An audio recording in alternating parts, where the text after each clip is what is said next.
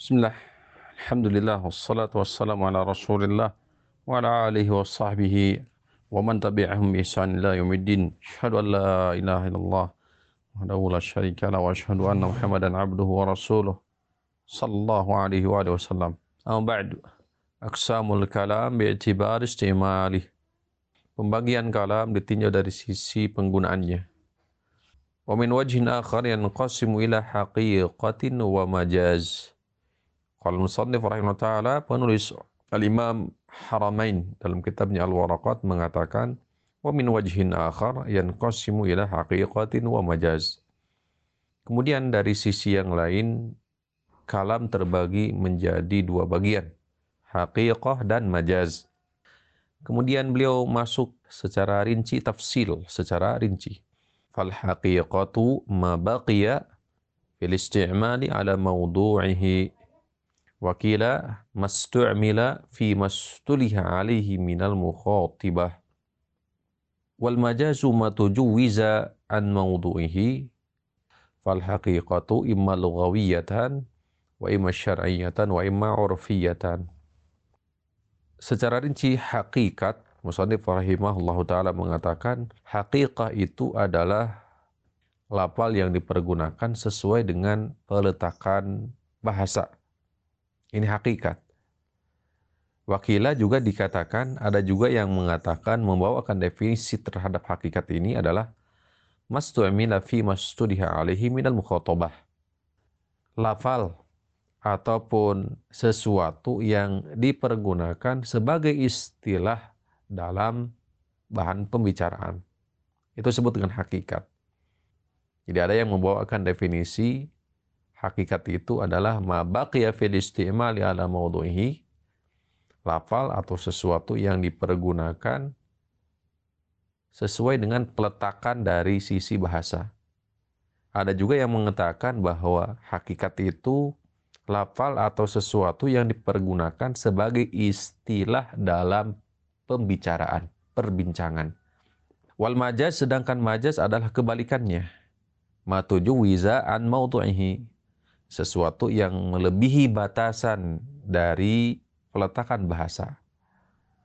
Ya, sesuatu yang memang melebihi, melampaui dari sisi peletakan bahasanya.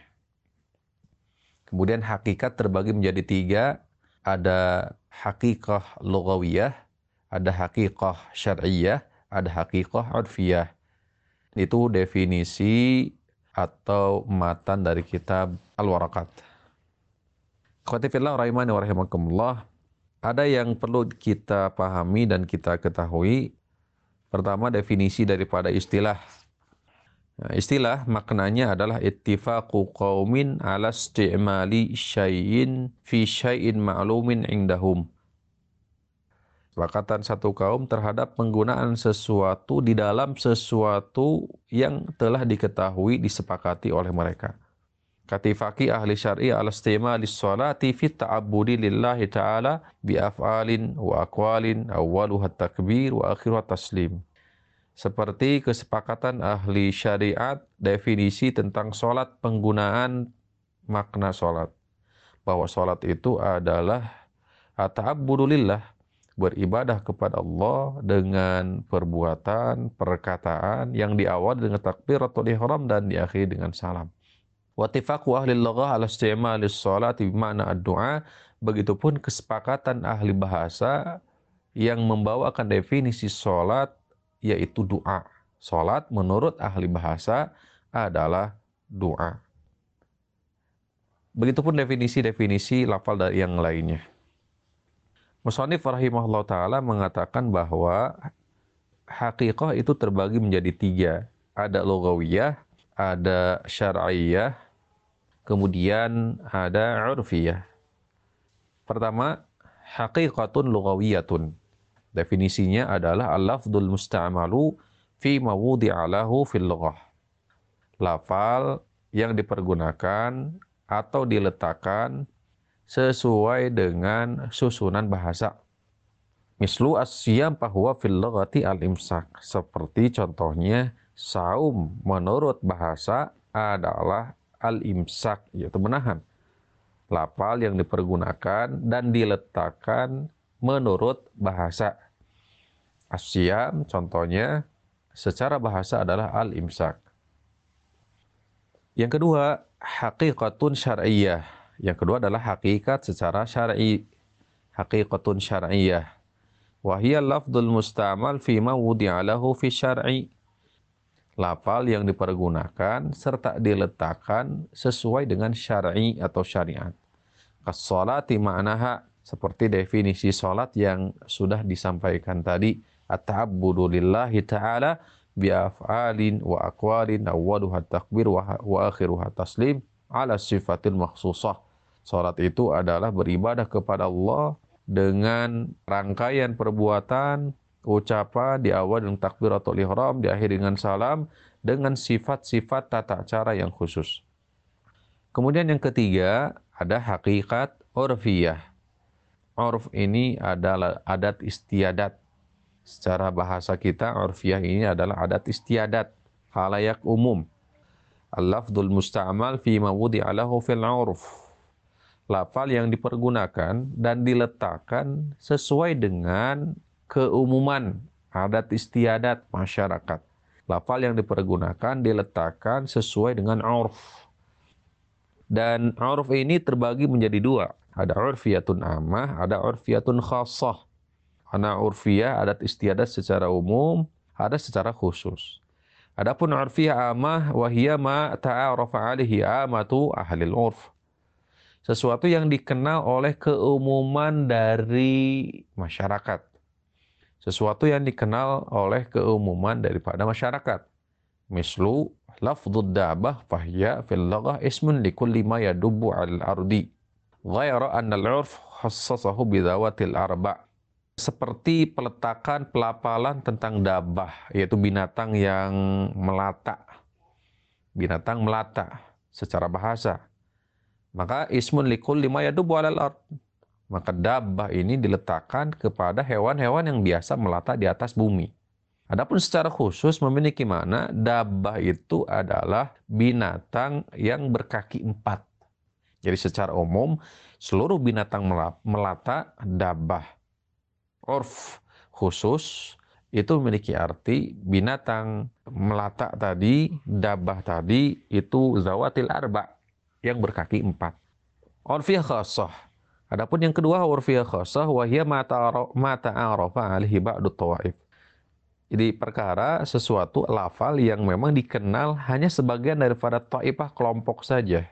Min alfaz allati wada'uha lima'nan indahum. Berupa lafal-lafal yang mereka letakkan memiliki makna menurut mereka sendiri, diketahui oleh mereka sendiri. Mislu al-jazmu bahwa fil al-qat. Contoh umpamanya, kalau melihat dari sisi komus di komus, kalau ada kalimat jazm, maka secara bahasa adalah al-qat'u, yaitu putusan, memutuskan. Wa dan nahwiyin naun minal i'rab. Adapun menurut urf secara khusus, yaitu dalam hal ini ahli nahu, mereka memberikan definisi bahwa jazm ini adalah naun minal i'rab. Salah satu bagian daripada i'rab. Ikrab Wahada waqad hada waqad asyara Ibnu Badran rahimahullah taala ila al-faidah min ma'rifati aqsamil haqiqah. Memberikan telah memberikan isyarat Ibnu Badran dalam Madkhal Ibnu Badran memberikan satu faidah berhubungan dengan ma'rifah. Pengetahuan tentang pembagian hakikah. Faqala wa mata warda lafdu wajib hamluhu al haqiqah.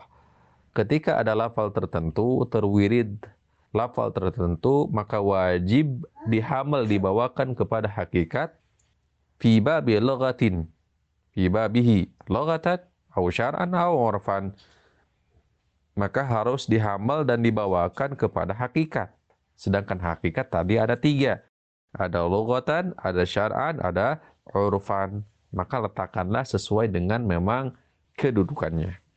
Wa ambal majaz adapun majaz apa yang dibawakan oleh musannif?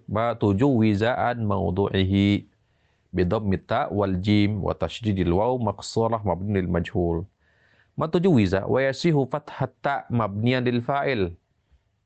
Boleh juga memang dengan fatah ma tajawwaza ay ma tu'addiya bihi an maudhuhi, sesuatu yang melebihi batasannya, batasan yang sudah diletakkan oleh ahli lughah.